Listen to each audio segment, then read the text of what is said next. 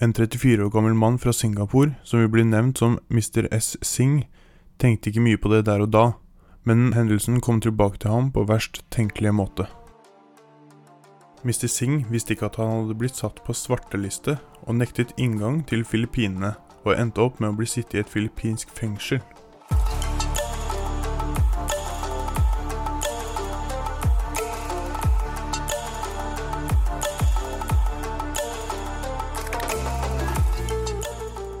Hadde reist med sin kone Maria Singh til Filippinene for å besøke sin syke svigerfar 27.4.2013.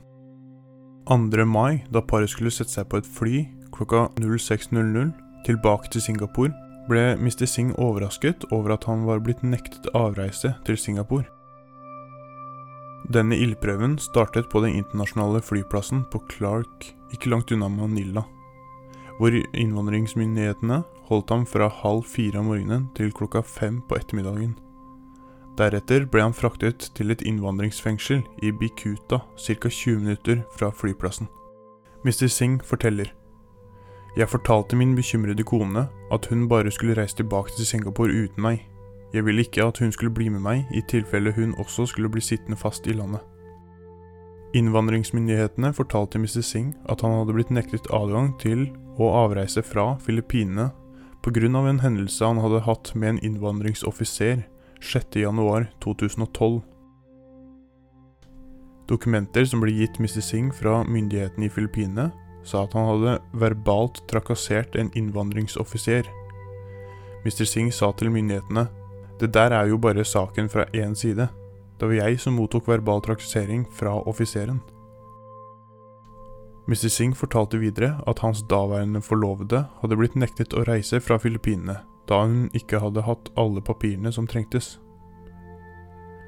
Som et resultat av dette mistet de flyet sitt til Singapore den dagen. I frustrasjon ble det en høylytt diskusjon mellom Mr. Singh og en innvandringsoffiser. Mr. Singh nektet for at han hadde brukt trakasserende språk mot denne offiseren. Noen dager senere, etter at paret fikk de papirene som manglet, fikk de reise videre til Singapore. Etter dette ble også Mr. Singh svartelistet og nektet adgang til å avreise fra Filippinene. Litt rart var det da at han hadde reist til og fra Filippinene 21.9.2012, etter den hendelsen som skjedde 6.1.2012, uten å ha blitt stoppet på samme måte. I tillegg hadde han jo kommet seg inn til Filippinene 27.4.2013, men ble ikke stoppet før han var på vei tilbake igjen til Singapore. Et spørsmål som da dukker opp, er hvorfor ble ikke Mr. Singh gjort kjent med at han var nektet adgang til å avreise fra Filippinene? Det ser ut til at myndighetene i Filippinene hadde prøvd å kontakte Mr. Singh gjennom ambassaden til Singapore i Manila, basert på et brev datert 22.2.2012, som var sendt til Mr. Singh 3. mai 2012 fra innvandringsmyndighetene i Filippinene. Ambassaden svarte de filippinske myndighetene tilbake ved å si følgende. Vi ønsker å informere dere om at Mr. Singh ikke er koblet til denne ambassaden. Derfor har ikke vi muligheten til å gjøre Singh kjent med dette. Vi anbefaler at dere videresender brevet til den filippinske ambassaden i Singapore. Det er ikke kjent om innvandringsmyndighetene fulgte dette rådet. På Bikutan forvaringssenter forteller Mr. Singh at han var plassert sammen med ca. 150 innsatte i to blokker. De innsatte var fri til å gå mellom disse bygningene, som ble låst hver natt. Han hevdet at fire innsatte også delte et lite rom som var på størrelse med to walk-in kjøleskap.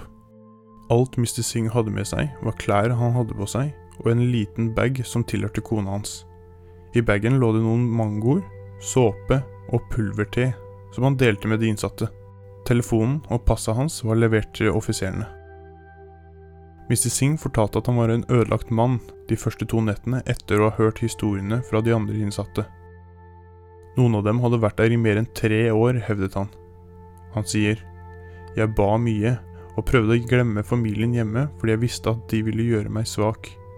Jeg startet å kalle de andre innsatte min familie, sånn at jeg kunne holde på min mentale helse og det hjalp. De innsatte ønsket han velkommen ved å dele på maten deres. Vann måtte de kjøpe for 50 pesos, ca. 20 norske kroner. Frokosten var én kopp kaffe og noe brød fordelt på 13 innsatte. Lunsj og middag var litt bedre. En liten plastikkpose med dampet ris og en bit med stekt kylling eller fisk. Etter hvert fikk Mr. Singh lov til å få noen råd av en fra Singapores ambassade i Filippinene som besøkte ham. Han ble fortalt at han måtte være tålmodig da han gjorde alt han kunne for å hjelpe Mr. Singh.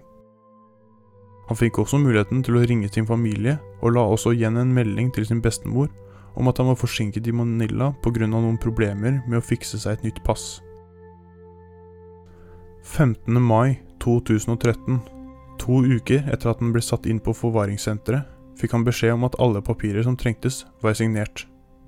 To dager senere ble han tatt med tilbake til Manila internasjonale flyplass og satt på et fly tilbake til Singapore. Han forteller først etter at flyet hadde tatt av, fikk jeg følelsen om at jeg var på vei tilbake til Singapore. Marerittet var over. En avis i Singapore kalt The New Paper prøvde å kontakte de filippinske innvandringsmyndighetene, men lyktes ikke. Den filippinske ambassaden i Singapore vil heller ikke svare på e-post. En talsmann for Ministry of Foreign Affairs vil ikke kommentere saken, og sier at saken inneholder sensitiv informasjon og var konfidensiell.